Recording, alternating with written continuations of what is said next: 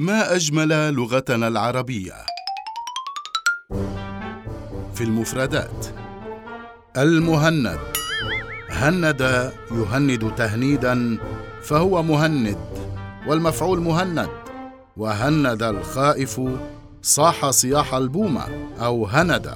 هند الرجل المرأة لا ينهى لاطفها هند العامل قصر في عمله.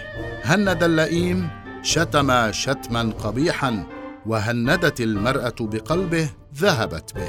هندته المرأة أورثته عشقا بالملاطفة وهند السكين شحذه.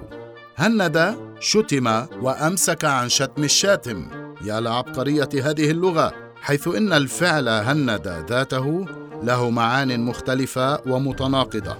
فتقول هند شتم شتما قبيحا وهند أمسك عن الشتم. اذا المهند اسم للفاعل للفعل هند والمفعول مهند. والمهند هو السيف القاطع.